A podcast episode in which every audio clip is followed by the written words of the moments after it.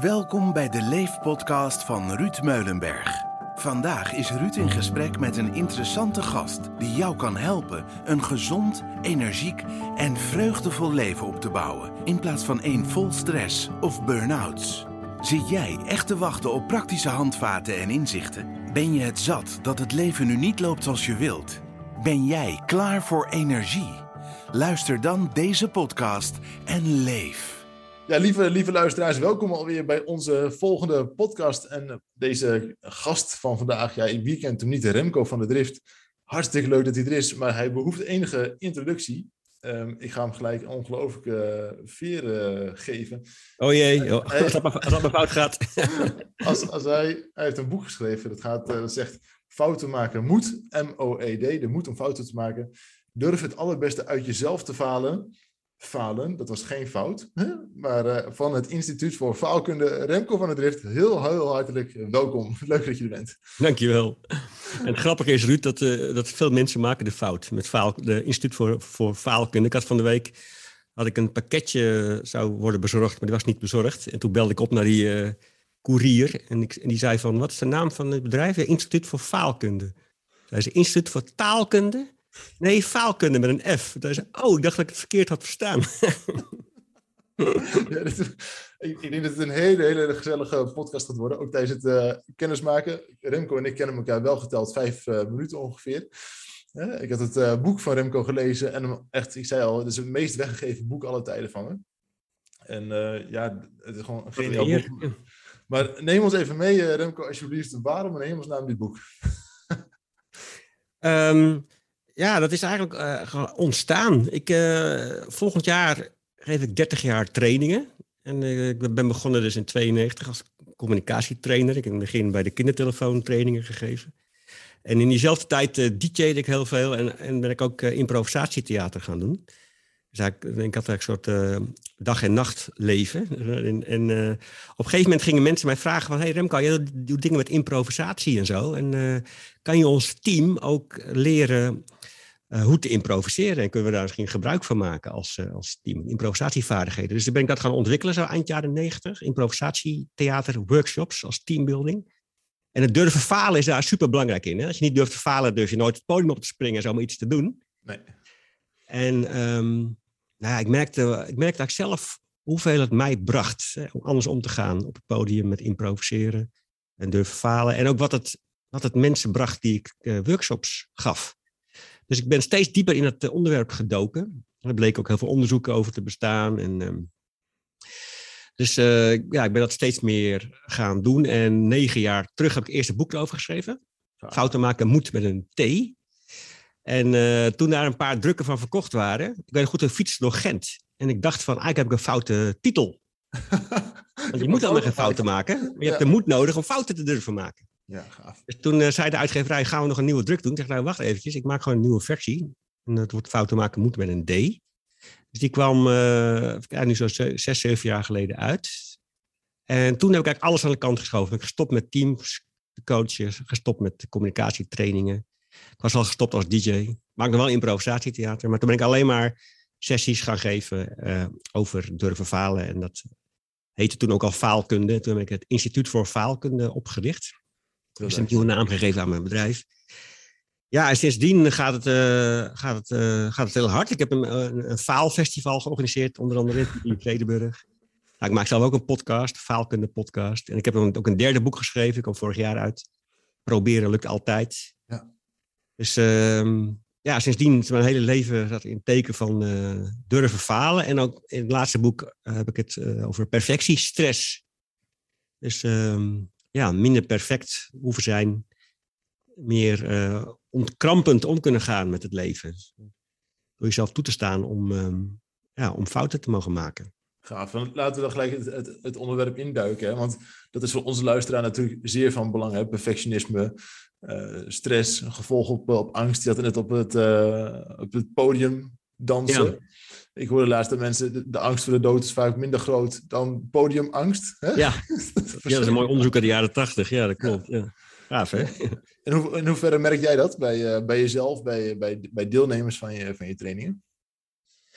Ja, nou ja, ik merk, ik merk het ehm, zowel bij deelnemers aan mijn trainingen en lezingen, ehm, als, als ook bij mezelf hoor. Dat ik, uh, en op zich is het een beetje spanning en angst helemaal niet verkeerd. Want gisteren had ik ook weer een grote lezing en, dat, is nu allemaal in studio's en zo, ook allemaal online. Dus dan voel ik ook gewoon uh, kriebels in mijn buik en dat is eigenlijk heel natuurlijk en heel, heel normaal. En uh, ik heb met voor perfectiestress, die term heb ik eigenlijk bedacht om het, de term perfectionisme wat te verhelderen. Want uh, heel veel mensen herkennen zich niet in het begrip perfectionisme, omdat het namelijk ook gewoon een hele positieve kant heeft. Hè? Ja. En uh, ja, de positieve kant, ja, dus eigenlijk gewoon dat je zin hebt om iets moois te maken of uh, kwaliteit te leveren. En, uh, maar de ongezonde kant van perfectionisme, dat is, die is vaak gebaseerd op angst. De, de angst om niet goed genoeg te zijn. Ja angst om door de man te vallen of de angst om uh, ja, eigenlijk afgewezen te worden.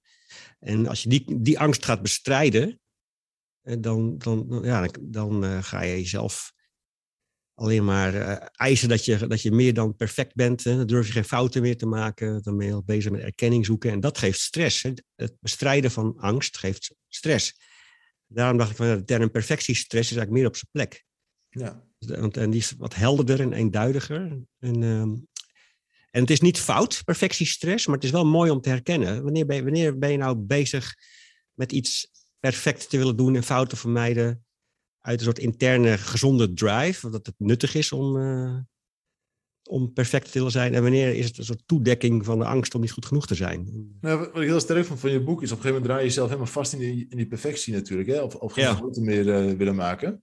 Ja. Um, dus daar is een heerlijk plaatje in van ja, wanneer ga je eens een keertje lopen? Ik kwam net nog ergens tegen. Iemand, hoeveel fouten heb je gemaakt toen je als kind leerde lopen? En dan ben je ook doorgegaan. Ja, mooi hè? Ja, dus de kinderen die, kinderen die leren lopen denken nooit van nou, 50 keer vallen. Van ja, dat lopen, laat dat maar zitten. Dat, is niks nee, voor precies. mij. Ik ga de rest van mijn leven wel, uh, wel, wel kruipen of zo. Ja, blijf op mijn knieën lopen. Ja. Maar hoe, hoe ouder we worden, ja, hoe meer we denken van nou, dit gaat zo vaak fout, laat ik het maar anders gaan doen. Dat is natuurlijk zonde. Of laat ik me vasthouden wat ik nu heb. Dat ook, ja, zeker, ja. ja. Ik, ik merk het aan mijn kinderen. Hè. We zijn net, ik, ik, woon in Frankrijk, dus en mijn kinderen krijgen ook nog aardig wat Engelse les. Ja. Dus mijn uh, jongste zoon van, van zes, die spreekt een beetje drie talen af en toe dwars door elkaar heen. Oei. Hij heeft het over uh, head in plaats van hoofd. Ja. En posh in plaats van zak. Hè, dus af en toe gaan al die die gaan dwars door elkaar heen. Prachtig. En dan beginnen zelfs mensen beginnen te twijfelen. Ja, spreekt hij straks van Nederlands? Ja, joh, weet je, over een jaar of 18, echt wel hoor, weet je wel, maak je maar geen zorgen, dat komt heus wel goed. Ja, precies, ja. Je maakt gewoon nog een aantal fouten, wordt een paar keer op gecorrigeerd en het gaat vanzelf. Hè? Ja, nou, mooi, mooi dat je dat zegt. Dat ik, je kent misschien vast wel het filmpje van de vrije denkers. Dus doen is de beste manier van denken. Hè? En, ja. uh, het filmpje is voor mij tien jaar oud en al heel veel keer bekeken. En ik vind het nog steeds wel inspirerend. Dat ze zeggen dat kinderen rondom, rond hun derde zijn het meest creatief. Oh, cool. Ja. Die stellen vragen, durven gewoon... Uh, ja, talen door elkaar heen te spreken, nieuwe dingen te ontdekken. Maar rond de achtste is de creativiteit al gehalveerd. Dan komen ze op school, moeten zich gedragen volgens de normen en regels van de school. En rond je 44ste bereik je de, volgens uh, dat filmpje de staat van terminale serieusheid. Oh, ja. ik hoop eigenlijk met mijn werk dat te voorkomen bij mensen. ik ben zelf 53, ik ben er al overheen. ja, ja, ja, ja. ja, maar dit, je, moet steeds meer in de pas lopen. En, uh, dingen doen omdat we denken dat het zo hoort. En um, ja, daar hoort dus geen fouten bij mogen maken ook. Het hoort er ook bij. En het gekke vind ik ook van dat je bijvoorbeeld op werk, hè, dat we denken vaak als je competent zijn, wordt ook gezien als foutloos. Ja. Dat is best raar eigenlijk, hè? Ja. Ja, nou ja, goed, ik, ik ben altijd, ik, ik, vraag het ook wel eens aan mensen om me heen. Hè. Mijn, mijn eigen bedrijf is de laatste jaren enorm hard gegroeid. Ja. En nu, nu schijnen er mensen te zijn die dat van tevoren allemaal kunnen bedenken. Die een bepaald businessplan kunnen beginnen. Ja. En ik, heb totaal, ik heb totaal geen idee gehad van waar ik, mee bezig was. ik had alleen verstand van burn-out, weet je wel. En, en gaandeweg, ja, op een gegeven moment hebben we er maar een heel zweverig iets van gemaakt van... Uh, het pad ontvouwt zich al lopende, weet je wel. Ja. Uh, je gaat links een keer op je bek hè, en rechts een keer op je plaat. En uh, weet je wel, op een gegeven moment denk je, dan maar misschien in het midden of zo. Laten we dat maar eens proberen. Ja. En gaandeweg ontwikkel je jezelf Precies, ja. Zolang dat blijft toetsen aan je, aan je gevoel, hè, van ja, past het een beetje bij me? Ja. En dan groei je hard. Klopt. En dat is wel leuk hoor, want dat is, ja, dat, ik ben nog steeds veel geïnspireerd door ook theater en muziek. En uh, een mooie uitspraak van een um, Amerikaanse improvisatiecollega zegt: building a plane while flying it. Dat, ook, dat vind ik een hele mooie houding eigenlijk. Hè? Dat je, wat we heel moeilijk vinden als mensen in het leven. Dat vaak dingen moeten gepland worden en projecten moeten slagen, experimenten. Ja. Eigenlijk, eigenlijk een, een experiment of een project, dat, is, dat komt van Amy Edmondson, een Amerikaanse hoogleraar. Die doet heel veel onderzoek naar uh, mogen en durven falen bij bedrijven. Die zeggen, ja, projecten en uh, experimenten die moeten eigenlijk falen.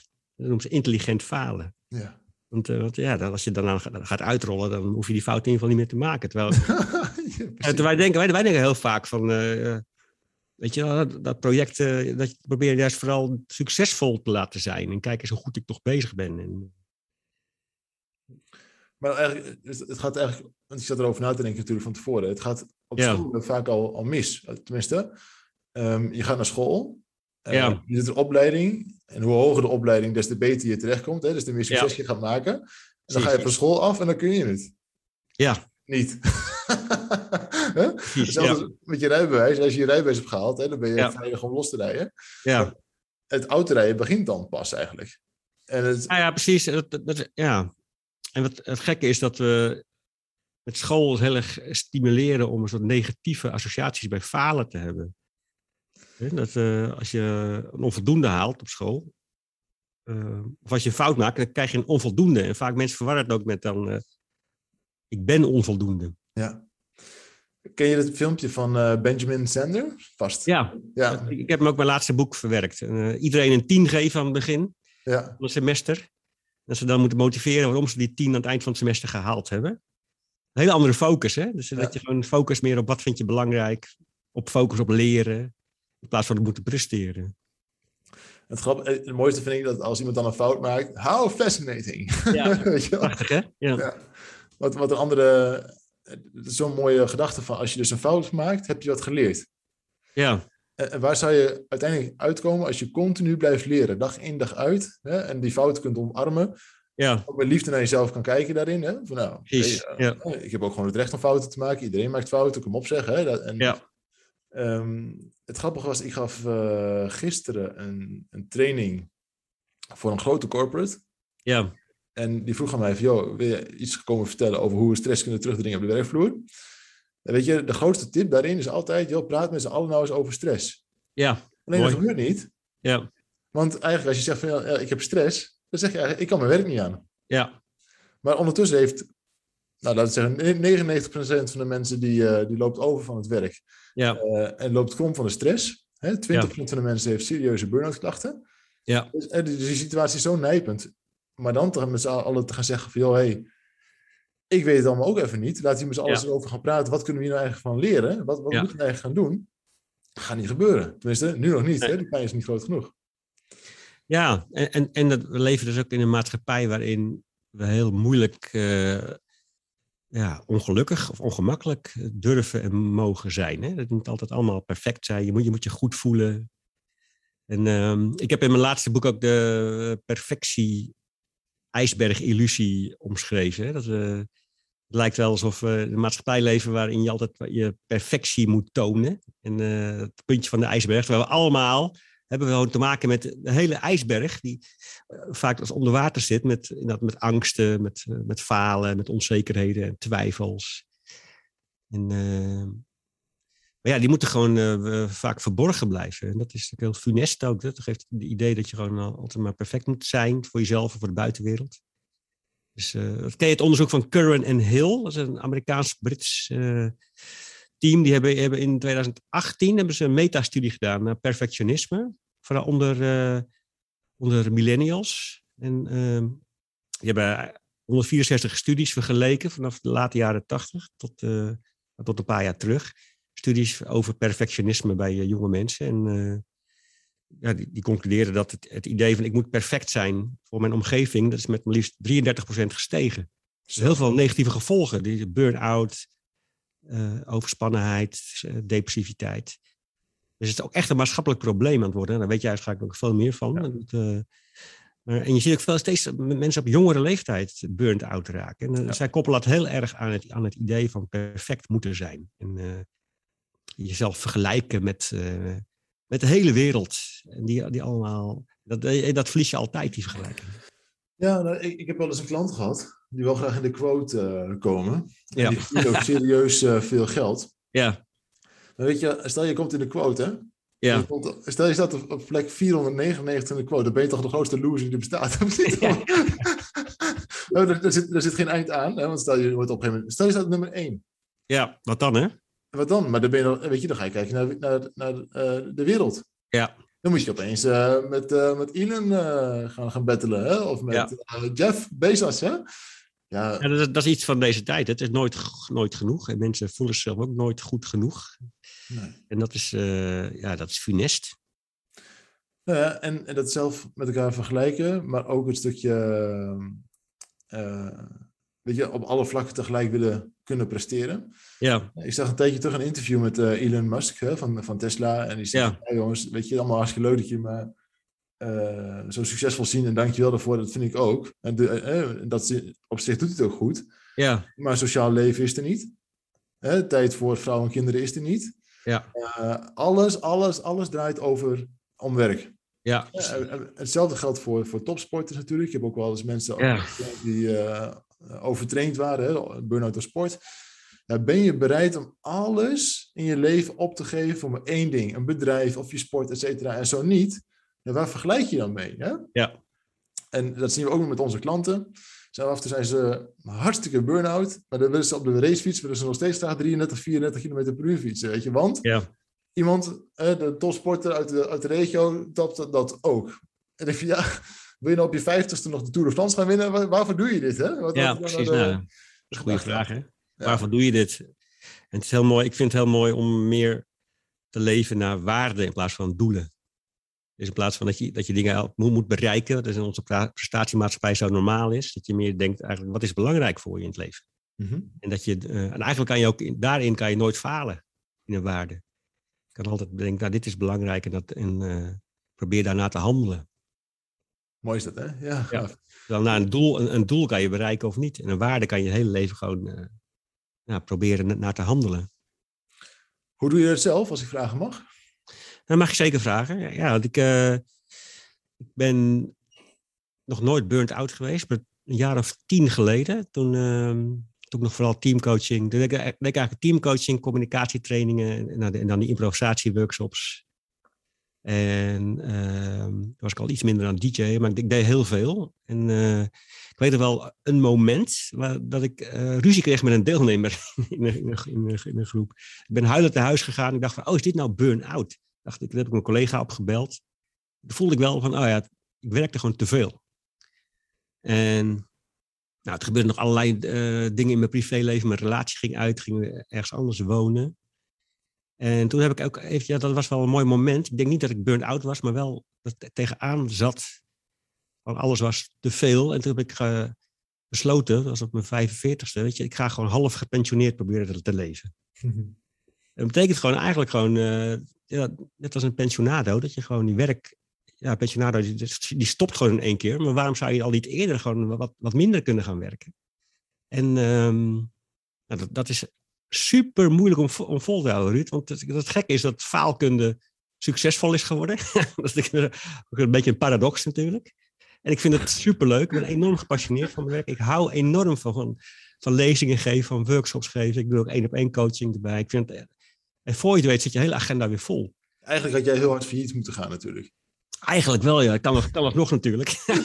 Dan was je pas echt goed gevallen. ja, maar precies. Maar het is heel, ja, het, ik, ik, moet elke keer wil ik, eh, vanuit de, vanuit de waarde ook gewoon uh, bijvoorbeeld gezond leven. Ik probeer heel veel tijd te besteden aan sporten, aan gezond eten, aan mediteren. Maar dat dan niet uh, per se dat met een soort dwang achter, maar gewoon dat ik dat belangrijk vind. Hè.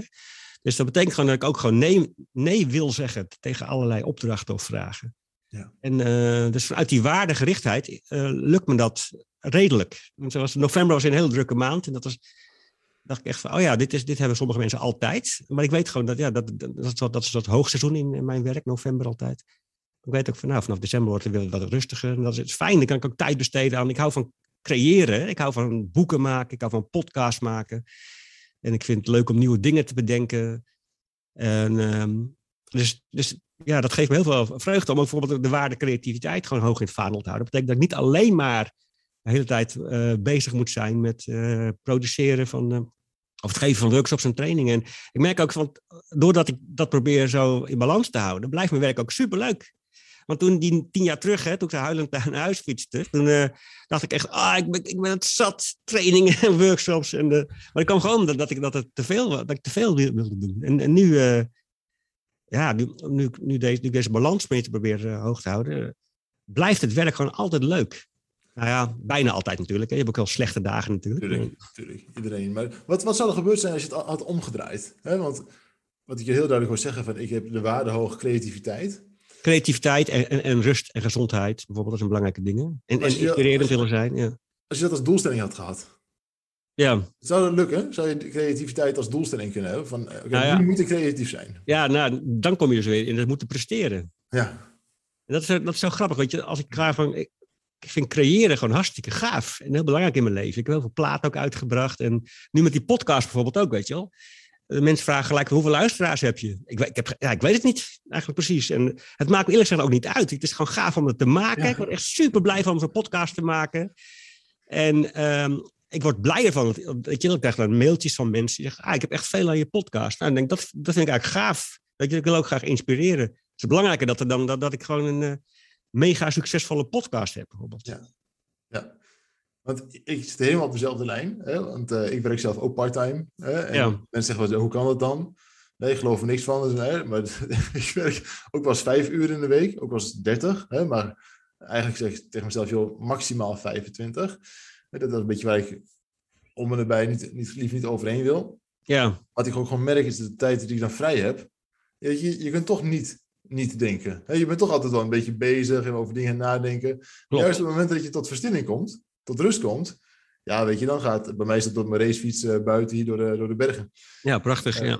En dan, dan begint gewoon die hele die machine aan te gaan, weet je wel. Ja. Dan, dan spuit het mijn oren uit, joh, weet je. En op een gegeven moment dan wil ik gewoon, dan moet het eruit, weet je wel. Dat is ja, leukste wat snap is. ik.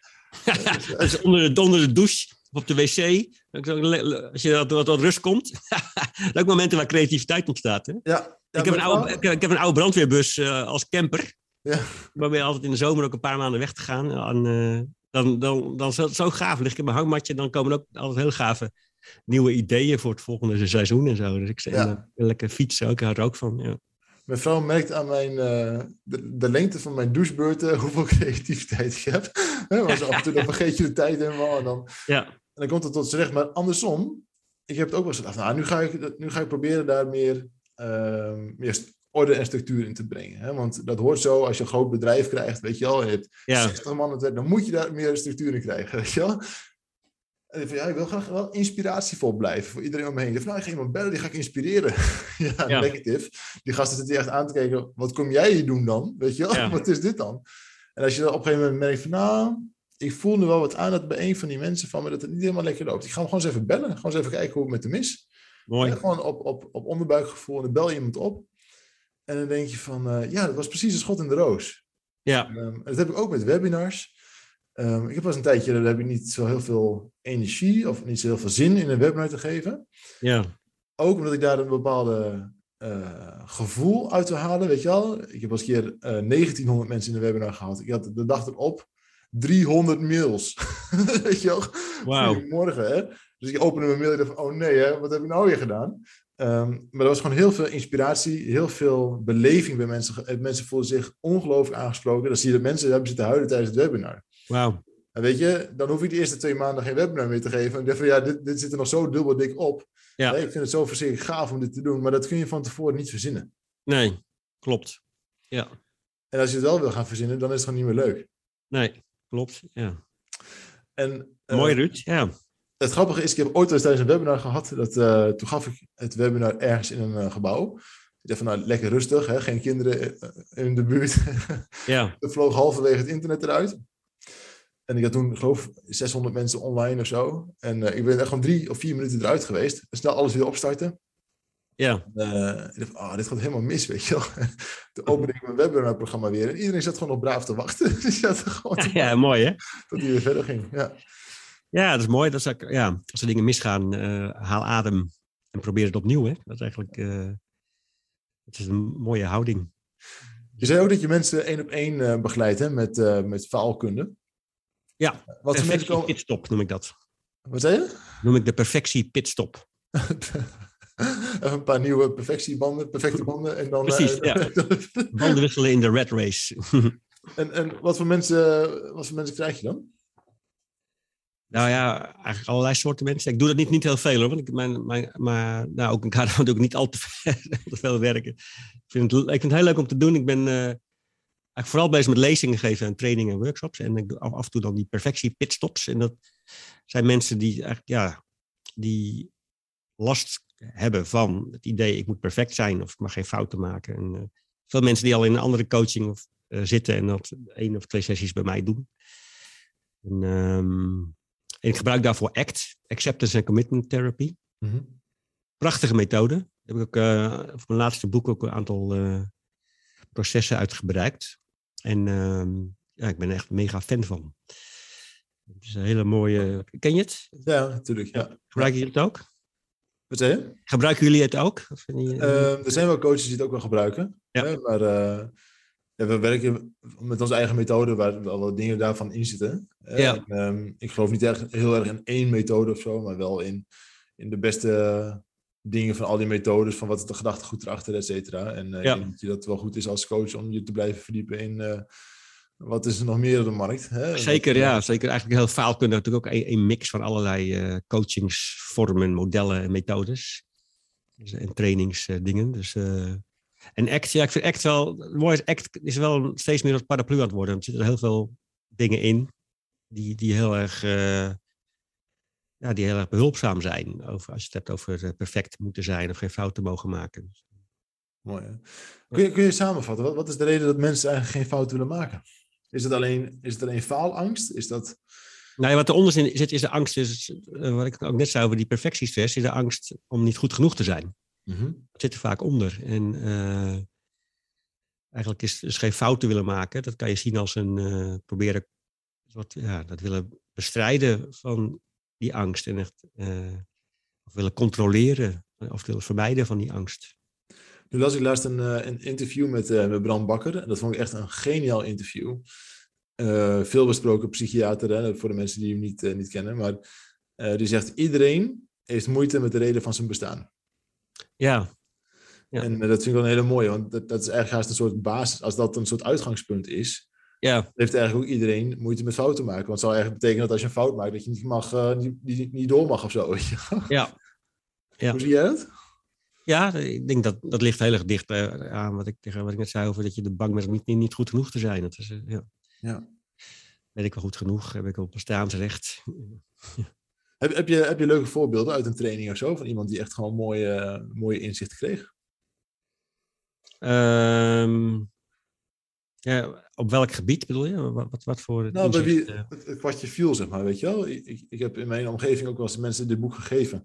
Ja. Um, en dan gezegd ook wel van uh, mensen die ook, ook wel trainers hoor. Hè? Mensen die toch wel heel graag streven naar de, de goedkeuring van zo'n groep. Ja. Hey, ik werkte op een gegeven moment met een team van trainers samen. En dan hadden we de discussie bijvoorbeeld, ja, wanneer heb je nou de perfecte training gegeven? Wanneer heb je nou een goede training gegeven?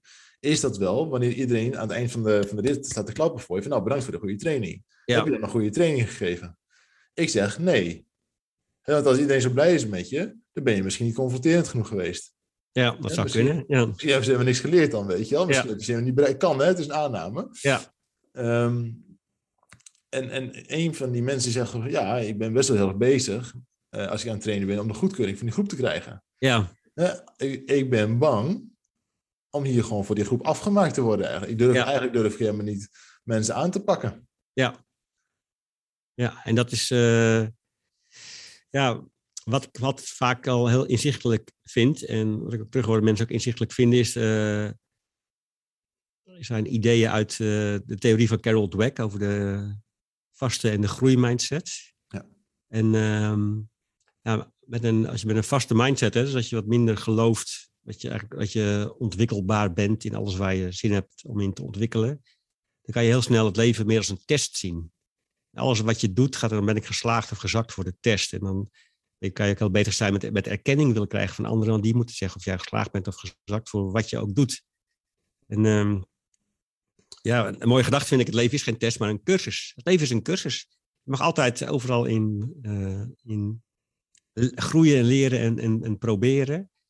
En ik merk, ik, ja, ik moet dat ook vaak gewoon uh, wel dat tegen mezelf zeggen. Want ik heb uh, nou, een, een voorbeeldje wat ik ook in mijn laatste boek heb geschreven, was dat ik, ik geef nu al heel lang trainingen. En voor je het weet, ga ik er ook gewoon daar zo een beetje in geloven. Hè? Dat ik bijvoorbeeld een goede trainer moet zijn of zo. Weet je wel. Ja.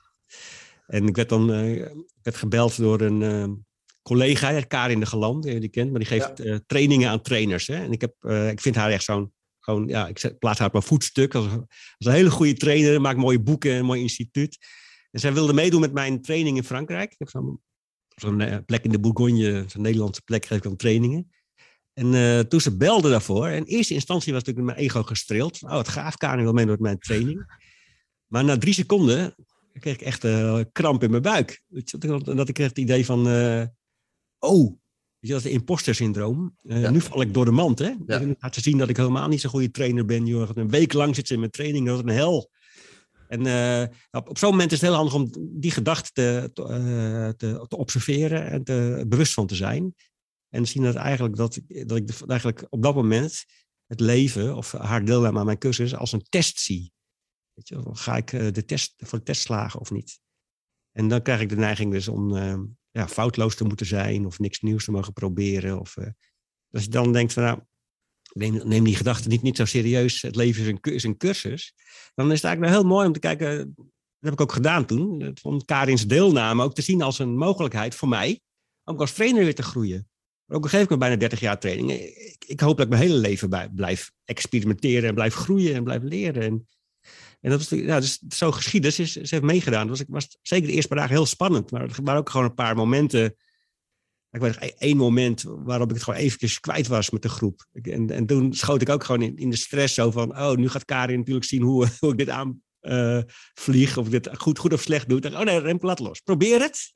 Weet je, probeer het. En daarna heb ik met Karin erover zitten sparren. En dan kreeg ik nog een paar goede, goede uh, feedbackpunten en, en tips. En... Uh, ik, ik, ik kan bijvoorbeeld, uh, ja, wat ik nog steeds aan het leren ben, wat ik hele leven aan het leren blijven als trainer, is om gewoon soms even gewoon op mijn handen te gaan zitten en uh, even uh, dingen te laten. Ik krijg dan neiging om dingen op te lossen of zo, weet je wel.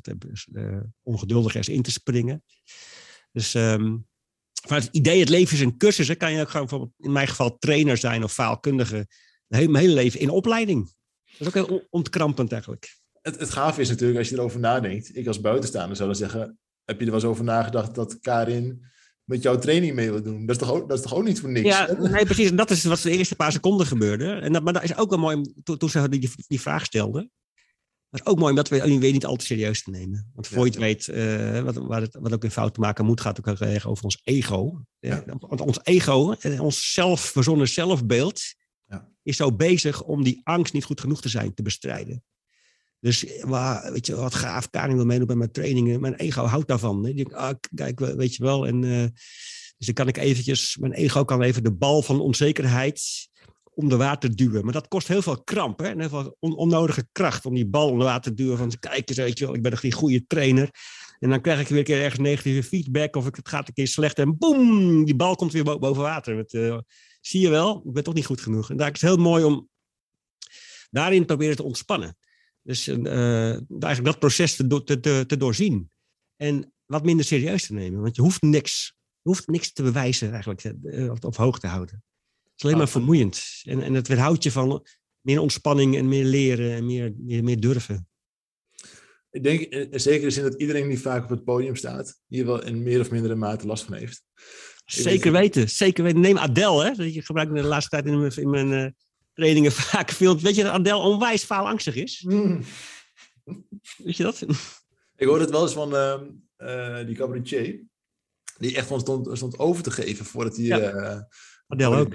Ja, bizar hè? En toch, toch elke keer die, die, die, dat podium op hè? Nou, dat is zo mooi als je dus ook gewoon waardegericht denkt. Dat je denkt, wat is, wat is belangrijk? Ja. En dan kan je ook makkelijk, als je bijvoorbeeld in elkaar, bijvoorbeeld in mijn geval, een mix van creativiteit en inspirerend willen zijn, dan denk ik, ik ga gewoon wel het podium op en ik vind het belangrijk om dat, dat, dat te doen. En ik neem mijn angst mee. Dat is ook zo mooi. Je, het hoeft niet weg. Maar eh, dat is Feel the Fear, Do It Anyway. Dat is ook een, uh, een Ja. eh, improvisatietheater quote. En ehm, ja, en, want ik ben een paar jaar geleden gestopt met improvisatietheater maken. Omdat ik gewoon helemaal vastliep hierin ook. Ik dacht, oh, heb ik wel genoeg een groeimindset, weet je wel, als ik negatief Ja. feedback kreeg. En eh, ja, ik ben nu weer, eh, weer begonnen. Dus, en met dit idee van mag ik ook gewoon na al die jaren improvisatietheater het gewoon spannend vinden om een volgende stap te zetten. Ja. En wil ik die stap zetten? Ja. Dat is heel. eh, ook, ja, dat is ook eh, gewoon vriendelijk zijn voor jezelf daarin. Hè? En niet, niet denken van ik moet gewoon iets hoog houden. Na zoveel jaar ervaring als improvisatietheatermaker. Moet je altijd een bepaald niveau bereiken of, behouden. Dat is onzin. Gewoon pro- blijf proberen en ja, ga op je bek. Ja, gaaf hoor. Het is, eh, ik zei het een tijdje terug tegen mensen die ik een beetje ken. En die zeggen, hoe gaat het? Nou, ik zeg, je hebt de laatste tijd wel wat, eh, een hele drukke periode gehad. En van tijd tot tijd ook wel wat stress gehad. En, en, en als je dat, ik zeg dat wel eens expres. Het is ook de keiharde waarheid. Ze zijn net verhuisd. Ehm, weet je, en het riool zat verstopt. En er gingen gewoon 40.000 dingen gewoon even allemaal mis, weet je wel. Ja, Ja, weet je, ik heb ook maar één keer energie. Het is wel veel, weet je wel. Maar het houdt wel een keer ergens op gewoon, hè. ja, En ik zei, ja, ik heb er wel stress van gehad. En jij, als Ja. stresscoach? Ja, ik als stresscoach, weet je. En van tijd tot tijd moet ik ook eens een keer even, even van mijn gas af. En eens even een keer een beetje normaal gaan doen. En dan zou ik het ook gewoon niet vol. ja. Nou, dat is, dat is net zo. Ik, ik noem mezelf faalkundige, maar ik vind het nog steeds spannend om, om bijvoorbeeld sommige dingen te proberen. Of ik, ik heb ook stress van eh, als dingen mi- misgaan. En dus, dus, het, eigenlijk is het mooi om dat ook niet, zelf niet te veroordelen of proberen weg te poetsen, maar gewoon daar ook gewoon ja tegen te zeggen. Ja. Ik had laatst bijna een huis gekocht. En eh, dat gaf me super veel stress. Ja. En, eh, dat ge- gecombineerd met een drukke periode. Dus ik dacht ook van, ja, en, eh, het lukte me, ook- lukte me ook niet om zelf daarin eh, te ontspannen. Dus ik wat wel hielp is om te denken, oké, er is gewoon nu onrust en stress. Dat mag. Je mag, en ik twijfelde heel erg. Dus ik dacht, ik hoef geen keus te maken nog. Bij twijfel, twijfel. Bij stress ervaar, die, ervaar de stress. En dat is, dat, dat op een gegeven moment, dat, dat maakte het me voor me mogelijk om op een gegeven moment wel een keus te maken. Gaaf.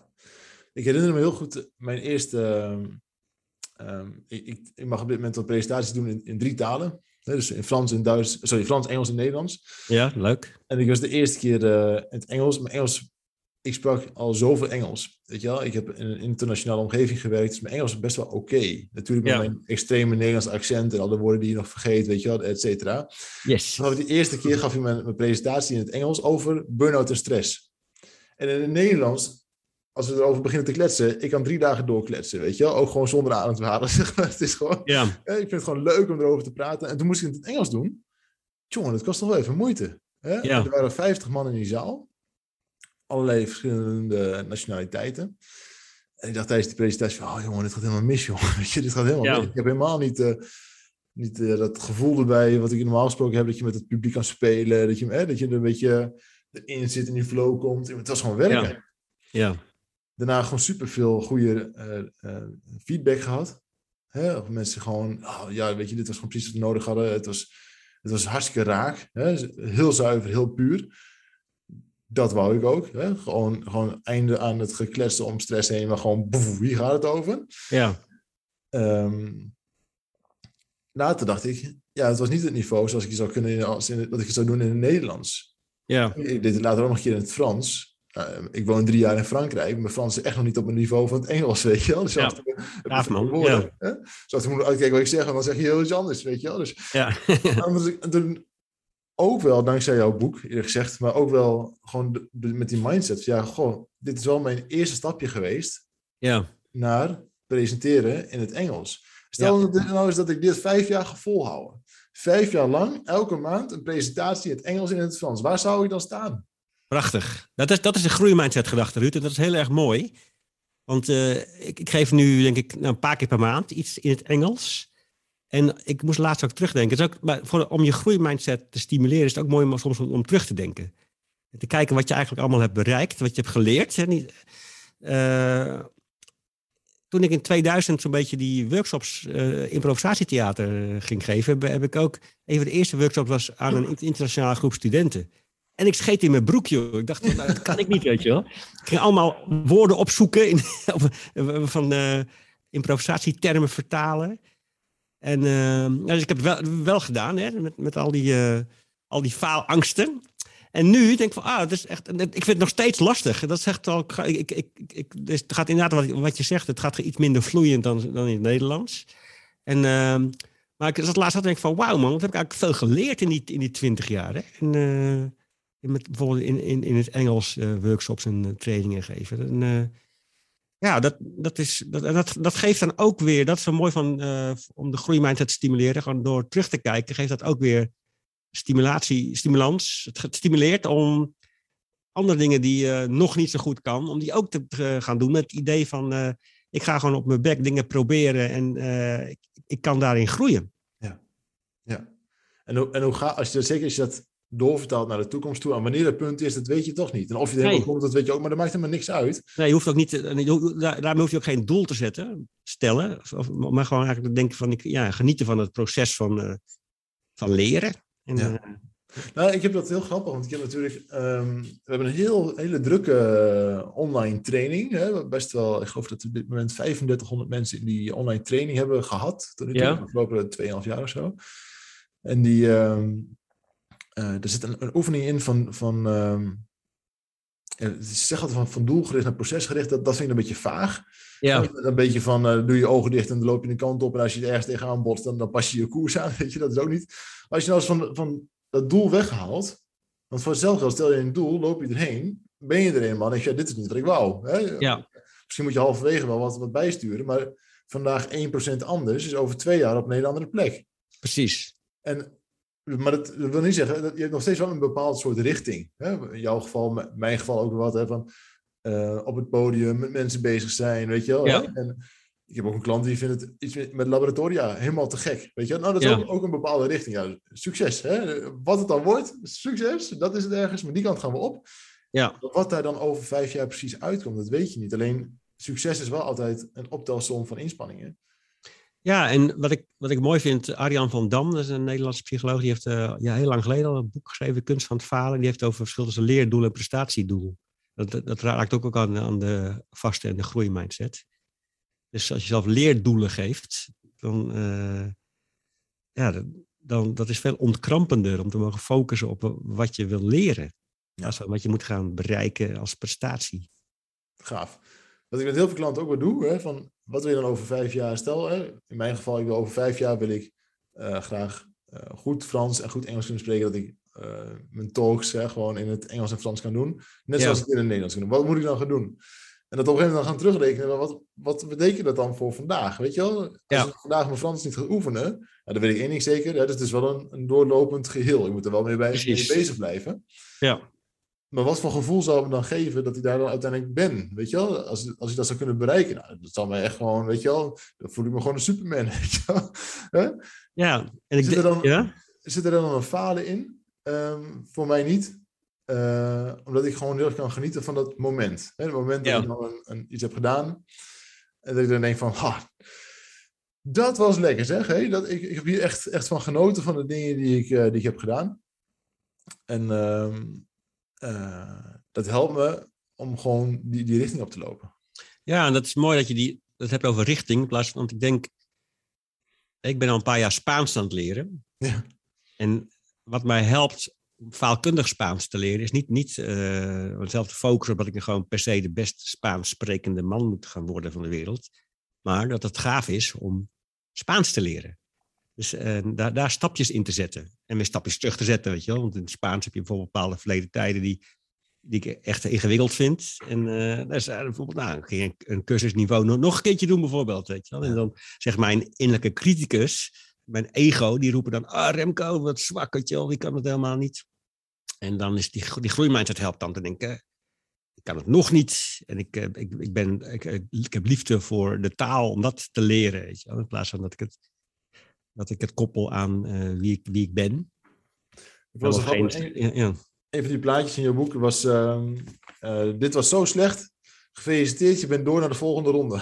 Precies, dat is een mooie. Ja, dat is een mooie. Hè? Dat was- Even credits voor Carline. Carline Huge, die maakt al mijn. eh, al, alle, alle cartoons bij alle boeken die ik maak. En eh, ze raakt altijd perfecte snaar. Helaas perfecte snaar dan weer. Het is mooi dat inderdaad. Want weet je, die onderzoekers waar ik net over had, over die, dat onderzoek naar perfectionisme, die roepen ook een van de redenen waarom we zo gebukt gaan als maatschappij om perfect moeten zijn, is ook dat we dus in een maatschappij leven die steeds competitiever is geworden. Ja. Weet je, ziet alleen al op tv, hoeveel van die programma's zijn er al niet dat je de, beste taart kan bakken of eh, de, je overal moet je de beste in zijn. En dat is funest, want dan krijg je heel hoge verwachtingen door op onszelf en op, op elkaar. En eh, ja, dat, dat levert perfectiestress op. Ja. Nou ja, en ook dat, dat succes dus in zekere zin maakbaar is. Ja, Ik weet, ehm, ik heb wel eens iemand gecoacht, die is een keer failliet gegaan met zijn bedrijf. ja, En die zegt, eh Ruud, ik stond erbij, ik keek ernaar.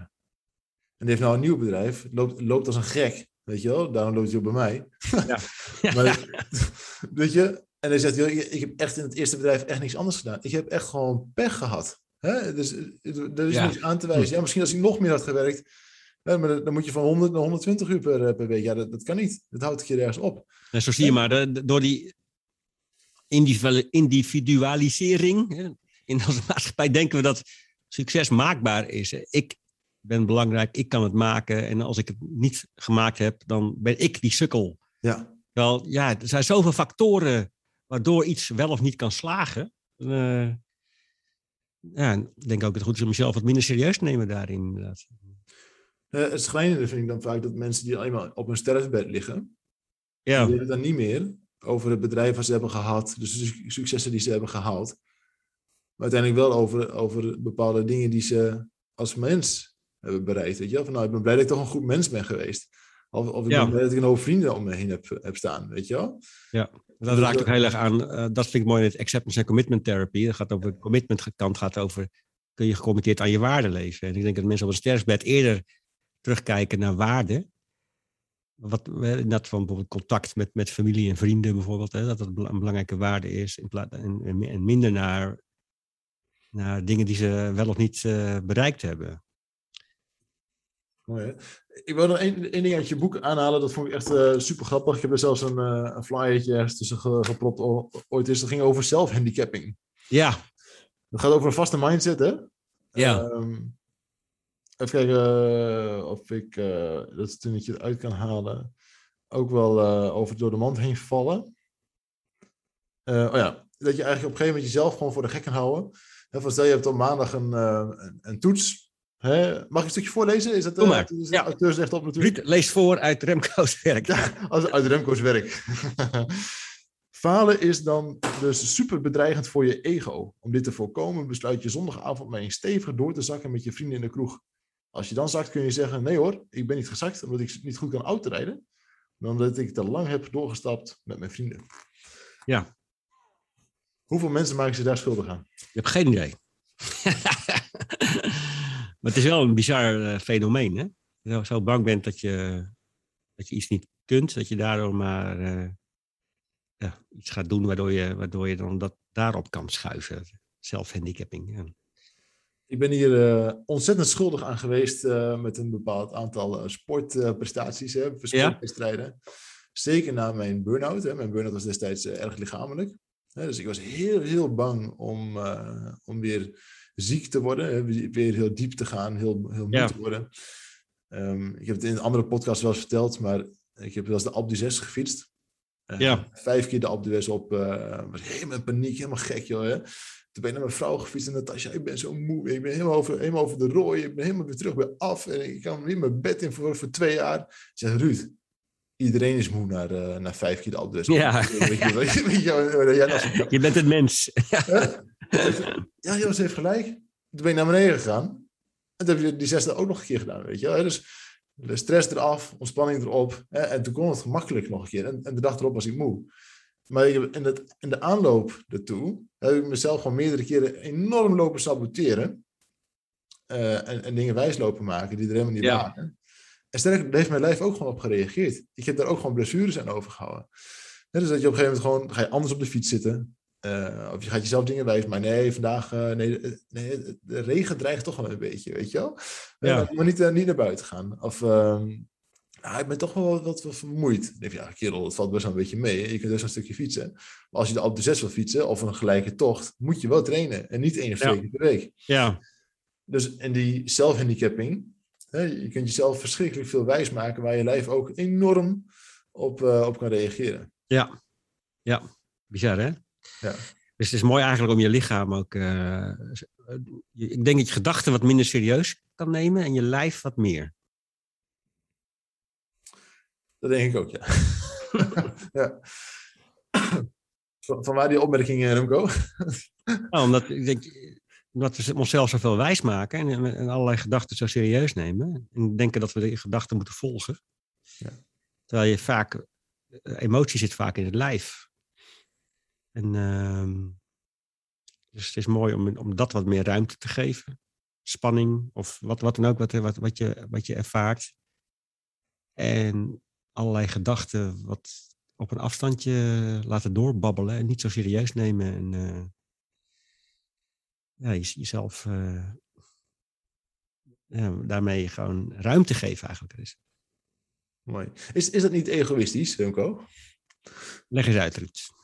Ik, ik hoor dat die vraag al van mijn klanten opkomen. Als ik voor mezelf ga zorgen, Hè, want dat is echt een, een ding hè, van, eh, van mensen die deze podcast uh, luisteren. Als ik dus voor mezelf ga zorgen, dan ben ik eigenlijk alleen maar met mezelf bezig. En uh, ik ben er toch ook wel om andere mensen te dienen. Ja, dan kan het ook niet naast elkaar bestaan, denk ik. Ik denk, als, als, als ik vriendelijker ben voor mezelf en goed voor mezelf zorg, dan heb ik gewoon meer ruimte over om ook, uh, voor, ook, ook er voor andere mensen te zijn. Dus ik denk dat, ene, ja, dat, ja, dat het juist het kan versterken. En soms is een beetje egoïstisch zijn ook wel prima, als gezond egoïstisch zijn. Dus even wat meer aan jezelf denken af en toe. En uh, daar is eigenlijk helemaal niks mis mee. Mensen hebben daar vaak zo'n negatieve connotatie bij. En het wordt denk ik pas echt egoïstisch als je andere mensen ermee schaadt. Maar als je gewoon wat vaker nee zegt en uh, wat gezond is voor je en, en er uh, andere mensen niet, niet, niet mee schaadt, denk ik dat dat alleen maar uh, dat dat goed is. En helpend. helpend, je... ja, dat denk ik ook, ja. Als je continu dood en doodmoe bent. Dat afschuwelijk, toch? Ja. heb je niks uit te delen. Nee, precies, ja. Dus je moet eerst voor jezelf zorgen, hè, voordat je pas voor een ander kan zorgen. Ja, zeker. We hebben het over fouten maken. De moed om, om fouten te maken. En nu heb ik aan iedereen die uh, bij ons in de podcast uh, zit. Hè, er zijn natuurlijk mensen die op dit moment uh, een laptop hebben dichtgeklapt, een telefoongesprek hebben beëindigd, de, de, auto langs de kant van de weg hebben gezet om naar jou te luisteren, Remco. En, en deze, mensen, deze mensen willen graag één gouden tip van je hebben. Weet je wel? Gewoon nog één ding van. Ah, die, die zou je eigenlijk niet gratis willen weggeven, maar weet je wel, die. Welke zou het zijn? Um, nou, ik denk. Uh, kijk, wat leuk is wel dat ik met zo'n vraag ook gelijk zoals de perfectiestress op voel komen. Hè? Dat ik één gouden tip, dan moet het gewoon uh, allemaal. En wat heel erg ontspannend werkt, is uh, om die gedachten allemaal wat minder serieus te nemen. Zelfkritische of zelfdwingende of saboterende gedachten is fuck it yoga. Dus als je, als je wil, kunnen we hem even doen. Ja. Dat is dan, mijn, mijn gouden tip, is doe wat meer aan fuck it yoga. En dat betekent eigenlijk, dat is een oefening, fuck it yoga, een oefening die ik heb bedacht, om die, al die gedachten dus die ik net noemde, om die wat minder serieus te nemen. Dus doe maar mee, luisteraars. En Ruud, je, je, je doet één arm naar voren. Je, knijpt, je knijpt, maakt een vuist, zo'n gestreste vuist van je rechterarm. Je ademt te diep in en je onderarm komt omhoog. Terwijl je uitademt, komt je middelvinger omhoog. En dan zeg je, terwijl je uitademt, fuck it. Fuck it. adem diep in, adem diep in. middelvinger komt weer naar beneden. Adem uit. Fuck it. Fuck it. Tegen allerlei stress oproepende gedachten. Hoe je moet zijn, uh, hoe je niet bent, wat je allemaal moet doen om iemand te moeten zijn. Die gedachten mag je, die mag je best wel wat minder serieus nemen. En daar wat vaker fuck it tegen zeggen. En dan een ruimte maken om dan de dingen, dingen te doen die dan ja, die, die, belang, die belangrijk voor je zijn. Die belangrijk voor je zijn. Mooi. Ik, ik uh, las op de achterkant van je boek ook um, Even kijken, waar het, uh, redelijker worden naar jezelf. Waar staat het ergens? Hij wil dat je milder wordt. Dat gaat over, uh, over jou, hè, Remco? Ja, gaat over mij. Hij, hij, Remco, hij wil dat je milder wordt voor je eigen fouten. En dat ook kan zijn voor de fouten van anderen. Zeker. Ik denk dat dat zeker waar is. Hè? Als je toch iemand anders uh, bekritiseert, hè? of daar dan een behoorlijk oordeel over hebt, is toch 9 van de 10 keer dat je een oordeel over jezelf hebt. Hè? Als je daar mildheid aan toe kan voegen. Prachtig, hè? Ja. De liefde, een lekker woord, hè? gewoon zo uh, contra-prestatiegericht. Maar liefde is natuurlijk gewoon, gewoon mega van belang voor jezelf ja. en voor andere mensen.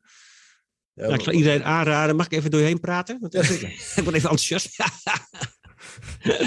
ik heb, um, wat ik, ik, ook veel gebruik in mijn lezingen, dat is een filmpje van Miles Davis en Herbie Hancock. En Miles Davis, trompetist, en Herbie Hancock, toetsenist. En Herbie vertelt over een avond hij meespeelde met Miles. En midden in de solo van Miles speelde Herbie een fout akkoord. Vond hij zelf.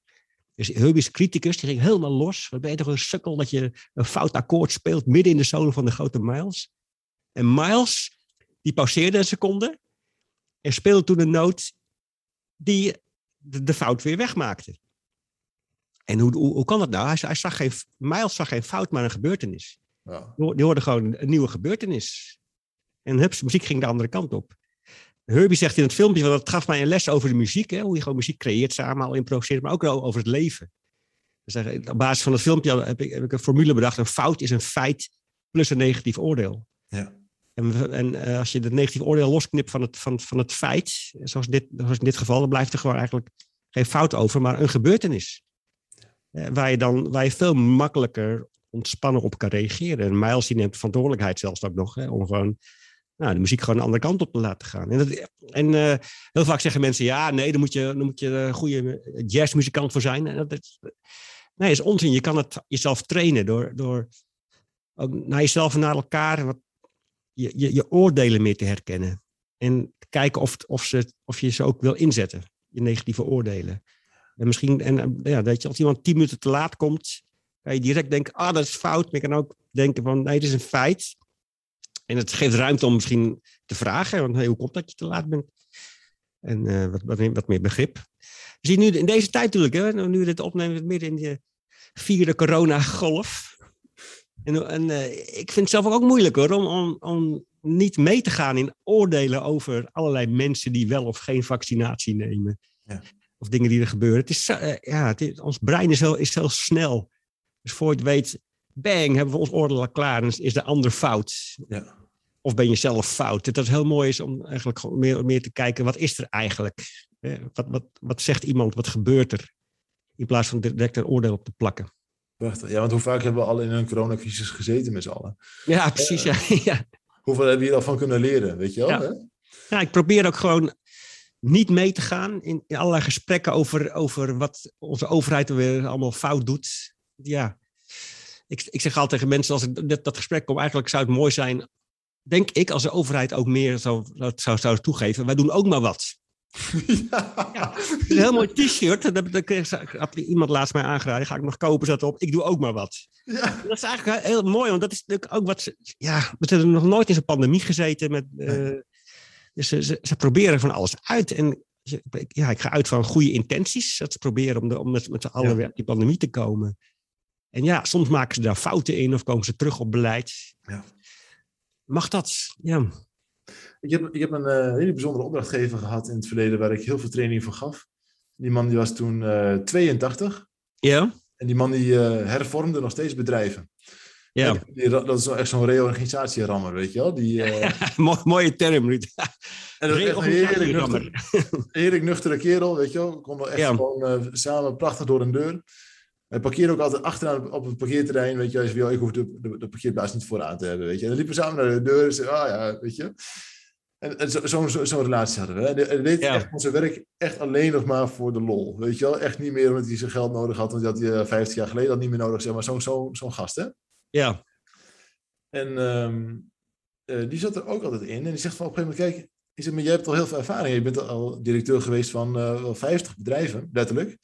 Ja. Je hebt de ene naar de andere hervorming doorgemaakt. Je hebt toch op een gegeven moment de ervaring. Hij zegt, deels heb je natuurlijk wel gelijk. Ik heb best wat ervaring opgedaan. Maar ik ben nog nooit directeur geweest van een bedrijf in 2019. Ja, prachtig. Ja. dus, ja. Toen was hij, hij is nu 82, toen was hij denk ik 79 of zo. Hij zei, ja, maar En ik ben nog nooit directeur geweest van een fietsenmaker in 2020. Ja. Hè? Ehm, dat is wel bijzonder om, om zo te zien. Weet je, dan heb je echt. Maar alles wat er geweest is, daar heb ik wel wat van geleerd. Maar dat wil nog niet zeggen dat het nu allemaal perfect hoeft te gaan. Hè? Weet je, ik ga nou Ja. weer tegen nieuwe. Hier zitten weer nieuwe mensen, zitten weer een nieuwe situatie. Deze situatie Mooi. heb ik nog nooit eerder gehad. Prachtig. Dus Dat ik ga je wat leren. Dat is ook eigenlijk zo'n dat zit ook in die Miles Davis houding. Hè? Dat is gewoon in, in het moment zijn. Ja. Nou, wat ik daarvan heb geleerd destijds, hè, van ja, eh, als er iets misgaat, ja, ik, ik mag er zijn, hè, altijd als mens. Hè, dus eh, welke fouten, hoe, hoe, want soms maak ik ook gewoon hele stomme fouten die misschien wel kunnen voorkomen, kan natuurlijk ook. Ja, Maar in de basis mag iedereen, iedereen er zijn als, als mens. ja, Je hebt het recht om fouten te maken. Ja. En een ander ook. Die heeft Ja. ook het recht om fouten te maken. Nou, en als iedereen recht heeft om fouten te maken, ja, dan is het alleen maar één grote geheel van ervaringen opdoen en, en, en blijven, blijven falen, toch? ja, zeker. Vooral doorgaan. Ja. ja. Nou, weet je wat mooi is? Eh, Mensen zeggen vaak, nou, fouten maken mag. En de vraag is of je toestemming nodig hebt. Want eh, je maakt fouten. Dat het, we, we leven dankzij fouten. De hele evolutie is gebaseerd op falen en aanpassen. Dus eh, ja, je hebt van niemand toestemming nodig. Je maakt ze. En eh, ja, maak er maar gebruik van. En Ja. eh, kijk met een soort mildheid naar jezelf en elkaar. Met de meest geniale dingen heb je natuurlijk, hè, van die, eh, ik heb ze hier liggen toevallig, die post-its. Ja, een mooi Eh, voorbeeld ervan, hè?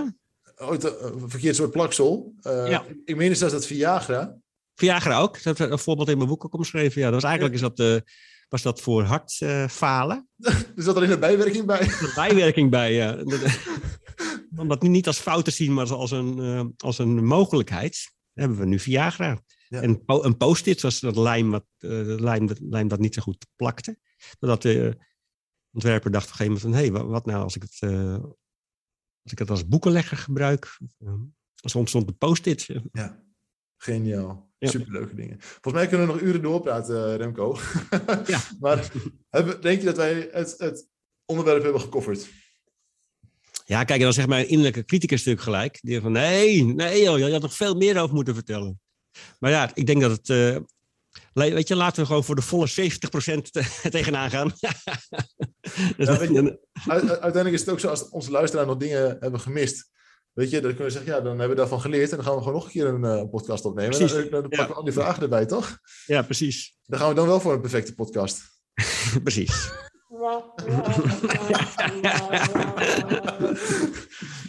Remco, ik wil je heel hartelijk danken.